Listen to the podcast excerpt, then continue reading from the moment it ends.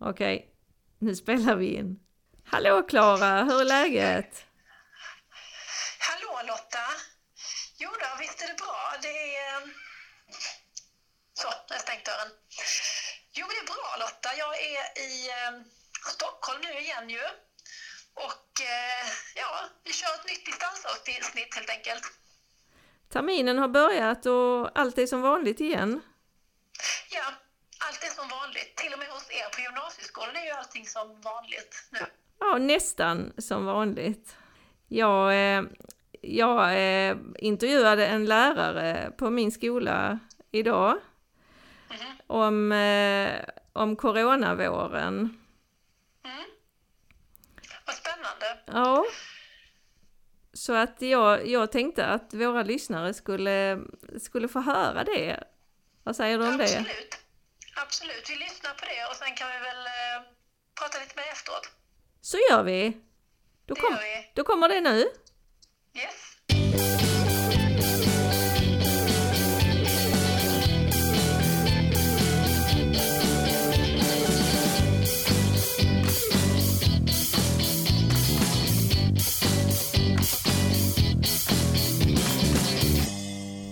Välkommen hit till Flödets tillfälliga studio på Polhemskolan. Vi sitter ju i grupprum eh, 30 någonting, eller hur? Så är det, 3024. Tack så mycket. 3024 och eh, jag vill ju hälsa dig hjärtligt välkommen hit, Daniel Hellgren, en utmärkt samarbetspartner och lärare på Polhemskolan.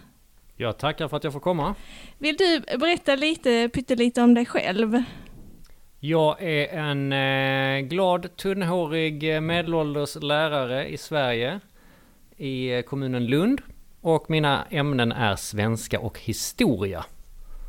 Så kan man väl sammanfatta det. Sen har jag massa särintressen omkring lärande och sånt men man måste hindra mig för annars pratar jag sönder hela programmet. Jag vet ju att du är väldigt intresserad av biodling. Bland annat. Men det kanske det passar i någon annan podd. Ja. Så om det är någon som hör detta som är intresserad av biodling så kan ni kontakta Daniel Hellgren och eh, göra en, eh, en annan podd med honom. Ehm, vi ska ju prata om eh, corona, våren och distansundervisning. Japp. Och då tänkte jag börja med att fråga vad var det första du tänkte när du fick beskedet att vi skulle slå om till distansundervisning? Jag tänkte nog först eh, att det skulle bli väldigt tråkigt. Att inte träffa människor som människor utan som små bilder i min dator bara. Eh, och delvis så blev det ju så. Men jag blev också glatt överraskad över hur smidigt vissa grejer gick. Det var väl min första tanke. Vad trist.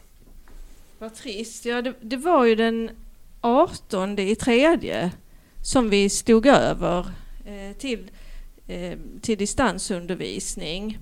Eh, vad, vad fick ni för besked av skolledningen? Det låg ju, eh, vad ska jag säga, rykten långt tidigare om att detta skulle ske. Andra länder hade stängt sina skolor och börjat experimentera eh, med distans. Så bland lärare så pratas det nog mer om när än huruvida det skulle ske. Så jag tror de flesta var mentalt lite förberedda. Men sen kom beskedet rätt så abrupt. Nu kör vi. Eh, utifrån jag gissar att beslutsvägen var eh, Folkhälsomyndigheten och sen Skolverket och sen smack ner till Lunds kommun. Och vi lärare fick en studiedag på oss att snacka ihop oss om eh, teknik och praktiska lösningar. Eleverna fick en studiedag att förbereda sig på att ta hem alla sina grejer. Eh, för de behövde alla sina läroböcker hemma helt plötsligt. Så skåpen här, elevskåpen, tömdes. Lärarna satte sig i klassrum och ja, i större grupper än kanske var tillrådligt och pratade hur ska vi göra detta rent praktiskt. Jag, jag kommer ihåg detta som en ödesdag på något sätt. Alltså inte, inte i, i samma dignitet som när Olof Palme blev mördad. Men det finns ju några sådana här händelser i livet där man där man alltid kommer att komma ihåg exakt vad man gjorde. Som 11 september till exempel, när, när de här planen körde in i, i tvillingtornen. Och, och den här dagen är, är lite en, en sån dag för mig. Att det, var, att det var väldigt stort på något vis. Ja, jag, kan jag delar inte din upplevelse. För att jag, eh, jag satt uppe natten mellan den dagen och nästa dag och gjorde sådana här eh, små PowerPoint-instruktioner för hur man skulle göra Google Classroom på enklast möjliga sätt. Så eh, jag var fullt uppe i det. Jag hann inte känna efter. Och nu efteråt så blev det där, den dagen blev bara en av alla de där dagarna vi sen var hemma.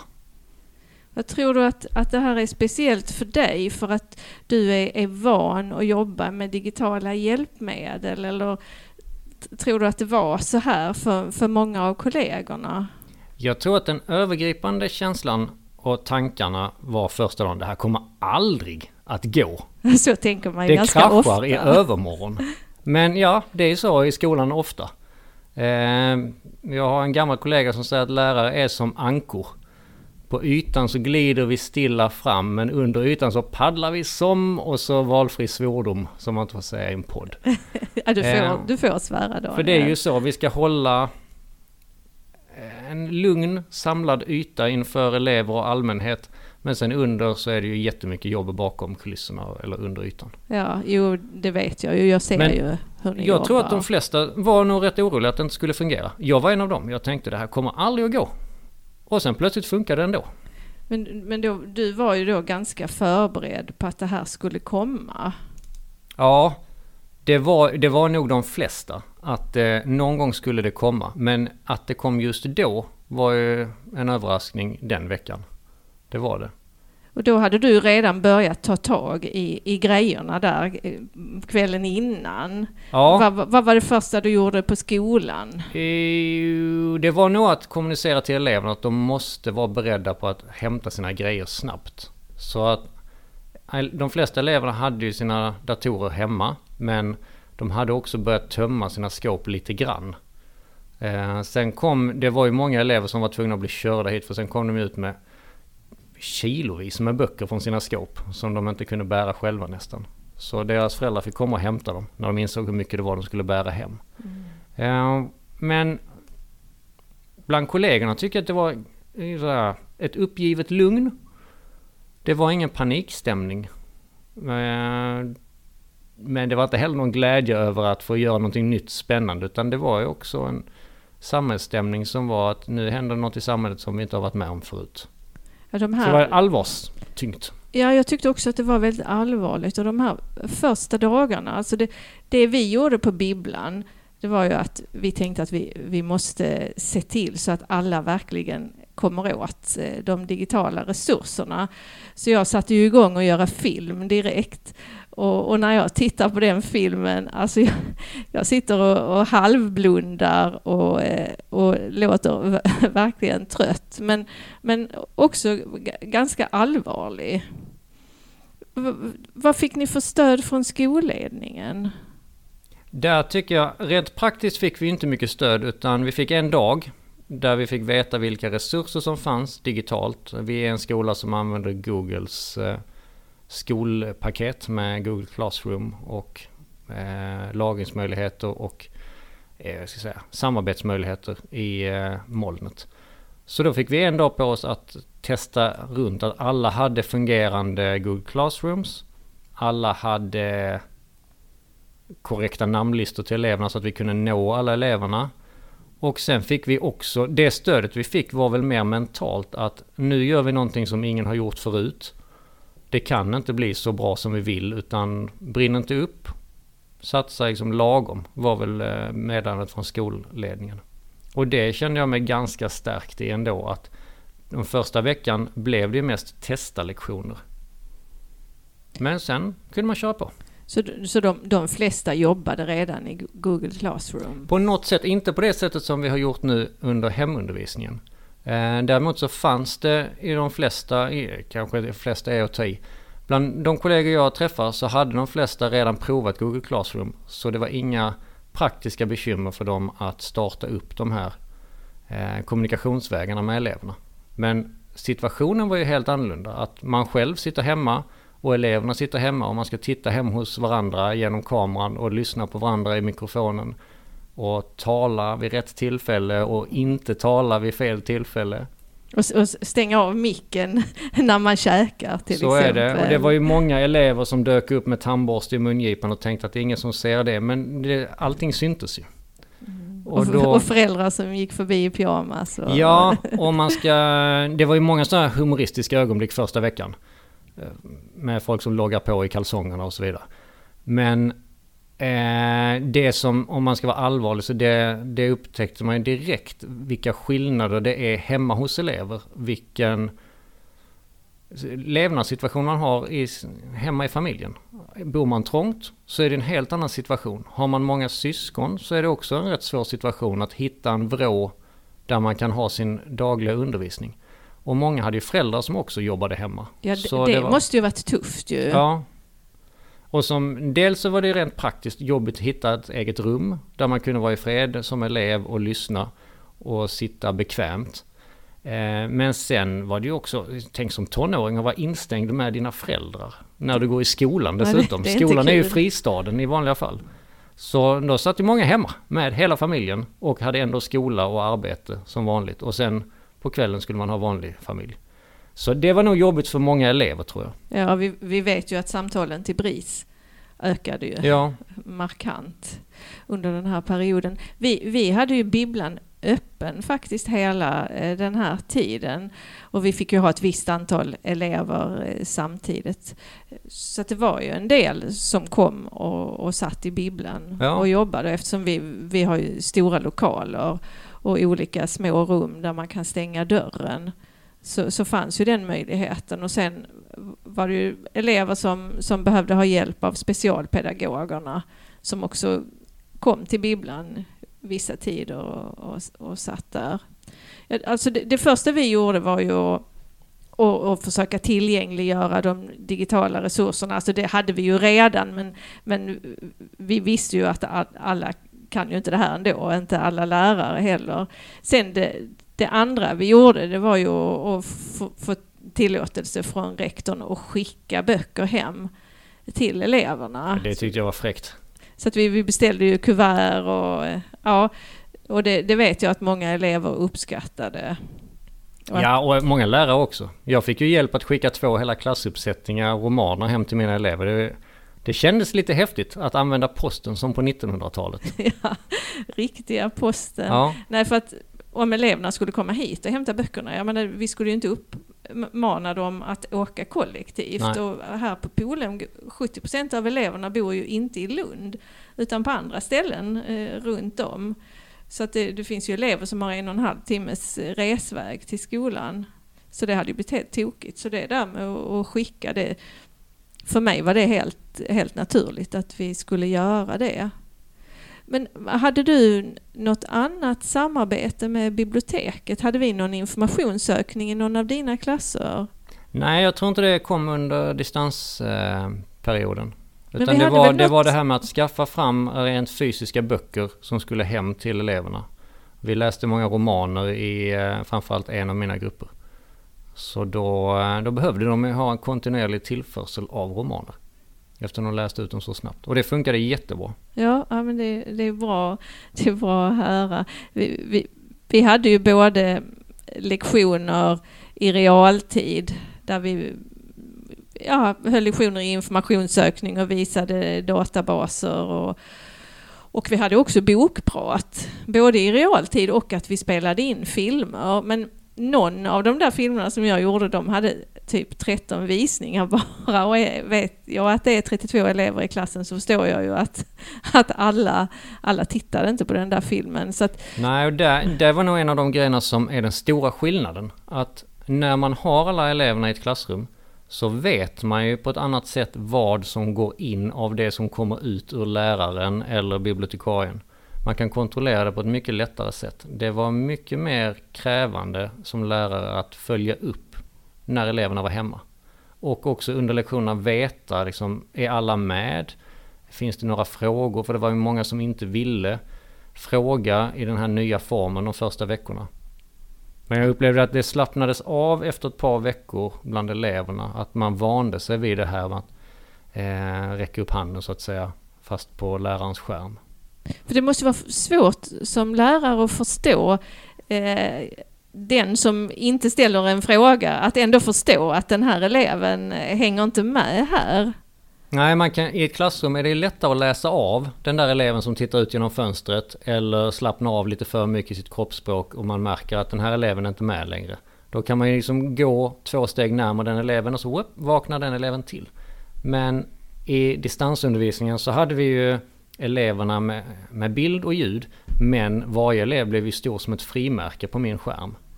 Så då ser man inte de där nyanserna. Nej. Och då, då måste man ställa direkta frågor eller be eleverna räcka upp handen för ett ja eller nej och så vidare. Så. Men det blir ganska ytliga kontroller. Vi, vi körde ju bokklubben digitalt. Vi har ju en, en frivillig bokklubb med, med 12 medlemmar. Och första gången så var det lite stelt. Men sen, och, och, just det här att de inte fattade att de, de måste stänga av micken när de käkar och, och, så. Men sen lärde sig alla det jättebra. Men sen var det no, någon gång när vi hade en träff när, inte, när det inte funkade så att jag, jag kunde inte se allas ansikten. Och då, då är det svårt att prata med varandra. Det, det betyder ju väldigt mycket att man ser och, och då, då, är det lättare för mig också att hålla reda på att ja, men nu har inte den eleven sagt någonting på länge. Då kanske jag ställer en fråga till honom eller henne. Ja, eh, jag vet inte hur många ni är i bokklubben när ni har möten? Ja, det brukar väl komma en tio pers. Ja, och där, redan där är det ju svårt att hålla koll på alla. Och med 32 pers så är det nästan, ja, det är inte omöjligt men det är väldigt svårt. Så det, jag fick ha en, eh, ett papper med namnlistan bredvid mig och kolla av då och då. Har jag koll på alla eleverna? Eh, även om jag kunde se dem på skärmen så var jag tvungen att ha liksom en checklista. Men det, det måste vara jättesvårt att hålla koll på 32. Jag, jag, jag har aldrig varit så trött som de första veckorna av distansundervisning. Mm, det förstår jag. Jag, eh, jag, hade, jag har ett bra schema, eller hade ett bra schema förra läsåret där det var rätt lång paus mellan lektionerna. Och jag fick ta en tupplur mellan flera av lektionerna. Gå och lägga mig på soffan för att min hjärna var helt slut. Och du jobbade hemifrån också va? Ja, största delen jobbar jag hemifrån. Det var väl ungefär hälften av lärarna som satt här på skolan och hälften som ja. var hemma ungefär va? Ja. Jag tror att du, du hade en strykbräda som ditt arbetsbord, eller Så var det. I början så, eh, så försökte jag få lite klassrumsfeeling. Så då har vi en gammal världskarta på väggen hemma. Så satte jag ett strykjärn och datorn på strykjärnet. Så att den kom i höjd med kartan. Ja. Så kunde jag se ut som en riktig lärare med en världskarta bakom mig. Mm. Så är det. Ja, det är fint. Eh, ja, ja, du har ju nämnt det här att du, var, att du aldrig har varit så trött. Kan du uppskatta ungefär hur mycket mer tid du fick lägga ner? På planering och ja, undervisning? Jag skulle inte säga att det var mycket mer tid. Eh, sen kan man ju också säga att det är inte samma innehåll riktigt när man har klassrumslektioner som när man har distanslektioner. Eh, samma, jag satte mig för att det inte skulle bli någon nerbantning av innehållet. Jag tänkte framförallt på de sista årseleverna vi hade, att de inte skulle få någon light-version av sina kurser nu sista biten, utan vi skulle köra på riktigt. Eh, men jag tror inte jag la ner mycket mer tid i planering. Däremot mycket, mycket mer energi under lektionen. Eh, det var krävande att dels hålla sin presentation som lärare, både digitalt och att man syns eh, som i ett tv-program snarare än, och det är mindre förlåtande på skärmen än det är att man stakar sig eller gör några konstiga miner i ett klassrum. Eh, när man syns på skärmen så är det mer på riktigt så att säga. Eh, eller vad jag säger, det är högre krav. Och sen så satte vi oftast igång med klassuppgifter klassuppgifter så eleverna skulle vara aktiva. Men då skulle jag ju kolla de här 32 att de var aktiva och i ett klassrum så är det bara att titta ut över lokalen så ser man vem som inte skriver. Men i ett Google-dokument då skulle jag ploppa in i 32 olika dokument under lektionen. Och det var, det hade fördelar. Eh, man såg som lärare andra saker när jag tittade i texterna än när jag tittar över axeln på eleven. Eh, men det var mer ansträngande och tidskrävande. Mm, Det kan jag tänka mig. Och, och, och upptäcka de här som sitter på Zalando, det är också svårare Ja, eh, när man kör digitalt. Ja. Men då, då, då kommer vi till, till det som jag hade tänkt fråga. Var det något som blev bättre? Ja, Jag skulle nog säga att inget blev på det hela bättre, men många saker blev annorlunda och därför var det nog bra för många elever att få vissa saker i sina texter kommenterade i realtid på ett annat sätt än de får på en vanlig lektion. Där jag nog mer tänker på det fysiska klassrummet än det digitala. För när jag hade eleverna bara i datorn så kunde jag ju gå in och titta på deras texter på ett annat sätt och kommentera medan de skrev. Och då var det okej att jag var borta så att säga. Och då hade jag ändå frågor. Och det var väl det som gjorde mig så trött. Att man hade ju ändå som lärare frågor. Medan jag är inne och tittar i elev X text. Så kommer elev Y in i, hö- i örat och frågar en fråga. Och elev Z kommer in i chattfunktionen och ställer en annan fråga. Så min hjärna som lärare var ju inte i ett klassrum utan på tre, fyra olika ställen samtidigt. Plus i sitt eget vardagsrum. Ja, det, och så kanske Så- dina egna barn kom hem och nej, hade några behov. Hade, ja, om man har mindre barn så är det nog ett problem. Men jag har barn som var i rätt ålder. Så de gick på grundskolan så de var i skolan under dagarna. Så jag hade inte det problemet. Så det var ju tur för dig i alla fall. Ja. Men vi var inne på det med skillnader tidigare. Och där tror jag att det, det är det Corona eller Covid-19 visar tydligast. Det är skillnader mellan olika människor. Socioekonomiska skillnader. Vilka eh, fysiska hälsoskillnader man har liksom från början innan det här dyker upp. Men det, det här visar väldigt mycket på det. Och det gäller ju också lärare, inte bara elever som har olika hemsituation. Sen jag har kollegor som tyckte det var fruktansvärt att sitta hemma i sin lägenhet mitt i stan. Men nu bor jag i ett radhus i en mindre by så jag kunde liksom gå ut på rasterna och titta på träd och fåglar utan att råka på en massa människor. Men det är olika för olika personer. Vilka förutsättningar man hade att klara det här. Jag, jag jobbade hemifrån en dag och det, jag tyckte inte det var roligt alls. Plus att jag, att jag jobbade hela, hela dagen utan att ta någon paus överhuvudtaget. Jag satt och slafsade i mig frukosten medan jag kollade mejlen och ja, sen så gick det i, i ett. Ja, Så det var ingen vidare. Och nu hörde jag på Ekot häromdagen nu att, eh, att folk börjar gå till fysioterapeuter och, och, och läkare för att de, de har ont helt enkelt av att, att jobba hemma. För att det är ju inte anpassat. nej, och det kan jag förstå. Såklart. Du nämnde att jag hade en strykbräda. Det hade jag i början. När jag tänkte att nu ska man sitta rak i ryggen och man ska ha rätt avstånd till skärmen och så vidare. Men efter några veckor så flyttade jag över till den bekväma fåtöljen och då, jag kände ju det att nu måste jag börja röra på mig för att om jag sitter kvar här så kommer det att bli problem. I ryggen och nacken och så vidare. Eh, Jag tänkte på en, en annan grej som jag förstod att många lärare var oroliga för och det var ju betygssättningen. Ja, Hur, hur gick det med det? Jag skulle säga att de flesta saker som vi var oroliga för gick inte så bra som de hade gjort om det hade varit som vanligt. Men över förväntan. Eh, och vad gäller betygssättningen var det dubbelt. Dels var man orolig som lärare för att man inte skulle kunna samla in tillräckligt med underlag för ett betyg. Det tycker jag gick ganska bra ändå. Och sen nummer två var ju rättssäkerheten. Är det verkligen eleven själv som har gjort det här som jag ska bedöma utan hjälp av någon annan? Och där tror jag det skilde sig väldigt mycket mellan olika ämnen, olika lärare för hur mycket man kontrollerade. Vissa lärare gav fria hemuppgifter som kunde skrivas när som helst och då kan ju föräldrar hjälpa till eller stora syster eller så. Vissa lärare krävde att det skulle skrivas med eh, filmning både framifrån och från sidan av eleverna. Så att läraren kunde sitta och kontrollera dubbla upplagor av sina 32 elever i realtid. Jag var inte en av dem. Jag var någon slags mellanting. Jag ville att de skulle skriva i ett låst eh, forum. Vi har ett provverktyg digitalt som låser datorn. Och sen ville jag se mina elever men bara från ett håll. Så de skulle kunna ha liksom fusk från andra sidor så. Men jag tror att de flesta nog formulerade om sina uppgifter lite grann under coronatiden. Så att det skulle bli svårare att fuska så att säga. Du, du märkte inte att någon elev försökte fuska? Eh, nej, däremot så blev det, jag hade en kommunikationsmiss med mina treor. Där jag fick underkänna tre elevers sista upp, uppgift därför att de hade samarbetat för mycket så att säga i förberedelsefasen. Så deras slutprodukt liknade varandra för mycket. Och där de inte riktigt förstod vad problemet var.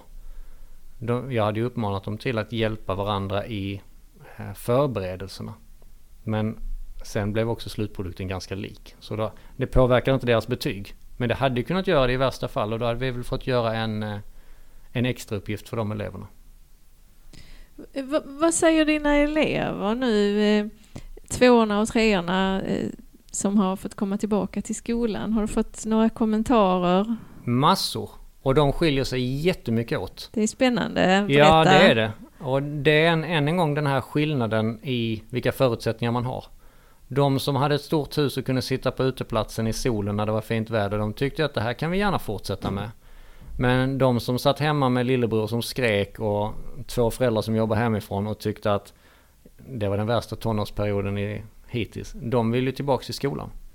Eh, sen är det också så, jag tror att det sociala är jätteviktigt för eleverna. Natur, jag tror, jag vet att det är så. Det vet vi alla. Eh, så de som har många kompisar som inte var skolrelaterade, alltså bundna till skolan, de hade ju mycket lättare att klara av detta. Men de vars sociala liv mycket kretsar kring skolan fick ju ett mycket ensammare liv i våras. Och många av dem tyckte det var outhärdligt nästan. Så det var flera föräldrar som hörde av sig också med att deras, föräldrar, deras barn satt hemma och mådde fruktansvärt dåligt av ensamheten. Och det vet vi att våra kuratorer har ju sagt att de fick ju många fler som sökte under våren för att de mådde dåligt. Och det, var, det är ju på grund av att de inte träffar folk. Jag, jag, märkte ju första dagarna att det var många elever som kom till biblioteket och hejade och att de var väldigt glada att få vara tillbaka i skolan igen. Så det var ju härligt. Men eh, ja, jag har pratat med, med ganska många elever och några har uttryckt att de tyckte det var väldigt skönt att sitta hemma. Och det är nog elever som har lite koncentrationssvårigheter. Att för, för vissa av dem har det nog varit, eh, varit bra. Sen ja, kan man väl det... ha andra, andra svårighet, sorts svårigheter som gör att det inte är bra att sitta hemma. Vi är ju så himla olika. Ja, vi hade ju lite utvärderingar eh, efter de första två veckorna. Och jag, jag minns en elev som skrev att detta är detta är fantastiskt. Äntligen kan jag fokusera på det vi ska göra utan att det är någon som sätter armbågen i sidan och undrar om jag har snus. För att så är skolvardagen för många elever, att det är, det är hela tiden tissel och tassel som tar uppmärksamheten. Mm. Ja, det är, det är väldigt, vi är ju väldigt olika ja. och det är olika för oss. Men vad skulle du, om du ska sammanfatta vad vi har lärt oss av detta? Lärt oss att skolan är viktig på många olika sätt, alltså som social faktor men också som eh, en plats som är, ska fungera oavsett vad som händer i samhället. Och, och, och sen, sen att det är väldigt olika vilka förutsättningar vi har. Då det är någonting jag kommer att ta med mig i resten av lärarlivet. Ja, det, det har ju verkligen blivit tydligt. Ja. Det har det. Eh, och om det händer igen, vad, vad gör du annorlunda då? Mm. Kanske en svår fråga. Det var en jättesvår fråga. Jag, nej, jag ska nog göra samma igen säger jag. Vi gör exakt ja, jag orkar, inte, jag orkar inte göra en ny sak till. Det nej. blir likadant. Nej, men det är klart, du, du förfinade ju dina metoder under tiden. Ja, det eh, gjorde man nog. De flesta, det blev väldigt annorlunda mellan vecka ett och tre. Men sen tror jag att det höll sig nog ungefär på samma vad ska jag säga, innehållsnivå från vecka tre och framåt. Hur, hur, hur går snacket i, i kollegiet? Är ni oroliga för att det kommer att bli distansundervisning igen? Det skulle jag nog säga att vi är. Det, det, det pratas en hel del om det. Eleverna är lite oroliga ja. också. Alltså ja. vissa verkar ju inte bry sig ett dugg. De hänger i, i klungor trots att skolan har ju vidtagit alla möjliga olika åtgärder, enkelriktat, eh, trapp trappor och det är handsprit vid alla ingångar och, och så vidare. Eh, men vissa elever verkar inte bry sig ett dugg, men, men många är oroliga. Det eh, upplever jag också. Samtidigt så, det här med att eleverna hänger i klungor, de är tonåringar. Och då... Ja, pannloben har inte vuxit igen ja. riktigt. Jag vågar inte säga det, men utifrån min kunskap. Men de, de beter sig annorlunda än vi äldre. Vad gäller risker och hur mycket man säger, hur mycket värde man sätter på social samvaro. Det är ju jätteviktigt att få träffa sina kompisar som tonåring. Och att få krama dem, fast när man vet man inte får på skolan. Eller skaka hand med dem, eller göra det senaste tuffa handslaget med dem ute på skolgården så alla ser det. Mm. Nej, det, det är svårt. Ja. Det, det kan ju vara svårt för oss eh, gamlingar också. I, i, ibland mot bättre vetande. Ja, men jag tror vi har lättare att hålla i oss. Vi, när vi har den där kära kollegan kommer förbi. vi har lite lättare. Är det, är det något mer du vill få sagt innan vi rundar av? Ja, jag vill få sagt att jag var väldigt, det jag var mest imponerad av, det var inte mina kollegors insats eller skolledningens stöd och så, utan det var hur väl eleverna klarade av detta. Att från en dag till nästa ta hem alla sina skolböcker och klara sig mycket mer själv, få mycket mer ansvar. Um, och dyka upp på lektionerna i tid enligt reglerna som vår skola efter någon vecka kom på att de måste säga att man får inte äta, man får inte dricka, man måste ha kläder på sig på lektionerna och man måste sitta vid ett bord. Eh, och jag tycker att våra elever gjorde det fantastiskt bra. Vi hade god närvaro och goda resultat över all förväntan. Vad roligt att höra. Eh, tack Daniel Hellgren för att du eh, delade med dig av dina erfarenheter från distansvåren. Då ska du få gå och äta lunch nu och sen hasta till din nästa lektion. Så är det. Tack så mycket Daniel. Tack.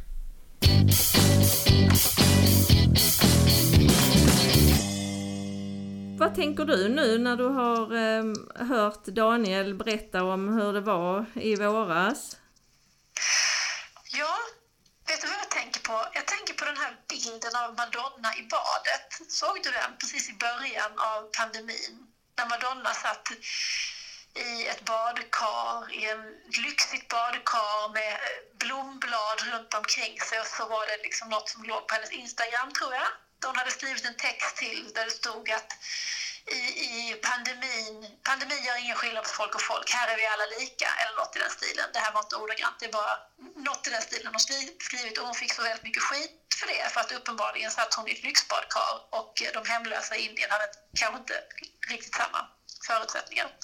Och det var ju en sak som ni återkom till gång på gång under ett samtal, att eh, i, i corona är vi alla olika. Ja, precis. Ja, och det var ju det var ju det som var Daniels starkaste minne av ja. våren. Det var den här ojämlikheten. Ja, bland, eh, alltså, både bland barnen och bland eh, personalen ju. Ja. Ja, och att vi, att vi är så olika och att vi, att vi klarar av sådana här kriser så olika. Att det, det, det handlar inte bara om grit och jävlar anamma och nu ska vi fixa det här. Utan att vi har, vi har så olika förutsättningar att klara det. Ja. Och eh, alltså dels olika förutsättningar hemifrån då till exempel bland eleverna, det där som vi pratar om att någon sitter på sitt sin stora uteplats så har det chill i solen och någon annan trängs med tre syskon i ett litet rum. Men eh, sen har man ju också olika förkunskaper och olika fallenhet. Alltså, och framförallt i lärarkåren är det ju en enorm skillnad mellan de som var digitalt villiga och digitalt förberedda och de som inte var det alls. Det, det, var en stor skillnad, men det som vi inte pratade om alls idag, det var ju att, att många hjälptes åt. Mm. Att, att de som, som inte var så vana vid de här olika tekniska grejerna, att de fick mycket hjälp och att de fick mycket hjälp också av, av vår eh, IKT-pedagog på skolan och, och, och hela IKT-teamet. Att, mm. att, det fanns, att det fanns bra stöttning runt. Ja, precis. Jag pratade med en eh, annan kompis igår som också är bibliotekarie fast på ett folkbibliotek och hon pratade om hur de hade haft det under våren och hur de hade det nu och så sa hon att för mig är det inte så himla stor skillnad. Jag har alltid gillat det digitala och jobbat mycket med det. Men mina kollegor, hon hade två kollegor på den här filialen hon jobbade på, de har ju liksom gråtit och de har tyckt att det var jättejobbigt. Men de har ju också fått hjälp, hon har ju fått hjälpa dem och lära dem vidare och, och visa dem till rätta i den här digitala verkligheten som alla måste ta sig in i nu. Ja, och så, jag tyckte också att det var det, det gick liksom i skov. För först så, så var vi lite panikslagna och hur ska det här gå? Och sen så kom det en stor optimism. Vi spelade in film och vi skickade böcker och ja, alla var, var glada att kunna hjälpa till och kunna stötta och kunna göra någonting och försöka göra det bästa möjliga av situationen. Men sen framåt maj, alltså framåt maj då då, då var vi deppiga i bibblan, det var vi. Det var liksom allt det här, den här pionjärandan och den och ja, den här grejen att, att vi ändå gör vårt bästa, då, då räckte inte det. Då var det... väl också ganska trötta. Alltså ni hade ju kört eh, nybyggarandan liksom och, och kanske kört lite för hårt i viljan att lösa det här liksom, men sen ja, sen tog väl liksom entusiasmen lite slut och ja, man var bara trött. Ja, och som, som Daniel sa också att, att efter en lektion så var han helt färdig och fick lägga sig och sova och det, det kände jag också när jag hade ja. gjort digitala lektioner. Att, att jag var helt utpumpad, att det var fosterställning som gällde. Mm. Ja, absolut. Så nu, nu är vi ju lite oroliga att, att det ska stängas igen. Men det, det är ju bara att hoppas att det inte blir så. Och fram tills dess så, så tvättar vi händerna och, och nyser i armvecket och, och är snälla mot varandra. Ja, precis. Och om det händer igen så är vi väl förberedda. Nu har ju skolbiblioteken, gymnasieskolorna och alla verksamheter egentligen i Sverige tagit ett enormt digitalt språng. Så nu står vi bättre rustade. Ja, det gör vi. Om det händer igen. Ja, det gör vi verkligen. Men det var roligt att vara och lyssna på er. Jättebra intervju tycker jag, bra samtal och kul att höra att det finns så himla många fina lärare och eh, ja, man blir så imponerad av deras arbete och hur de jobbar och brinner för sina elever och brinner för sitt jobb. Ja, jo, jo jag, jag blir också jätte, jätteimponerad. Det blir jag. Och, och tack för att du, att, du, att du berömde intervjun. Jag gör ju verkligen mitt bästa. Det räcker inte riktigt till alla gånger, men, men det är som det är. Ehm, ska vi, ska vi knyta ihop säcken? Ja, men det gör vi. Det gör vi. Då, då får jag önska dig en, en fortsatt eh, trevlig vecka. Mm, detsamma till dig. Och så ska vi ju tacka... Och vi tummarna för att eh, handtvättandet ger effekt och att vi inte behöver stänga. Ja, det gör vi. Det gör vi verkligen. Och så, vi, vi, ska tacka, vi ska tacka Nils Andersson för lån av skolans mikrofoner. Och vi ska tacka rektor Torbjörn för vår jingel som kommer snart. Och så tackar jag dig Klara Ehm, det är härligt att, att ha dig på lina, verkligen. Ja, jag tackar dig också Lotta. Underbart fin intervju och så tackar vi Daniel såklart. Tack Daniel Hellgren. Och tack alla lyssnare. Ha det bra!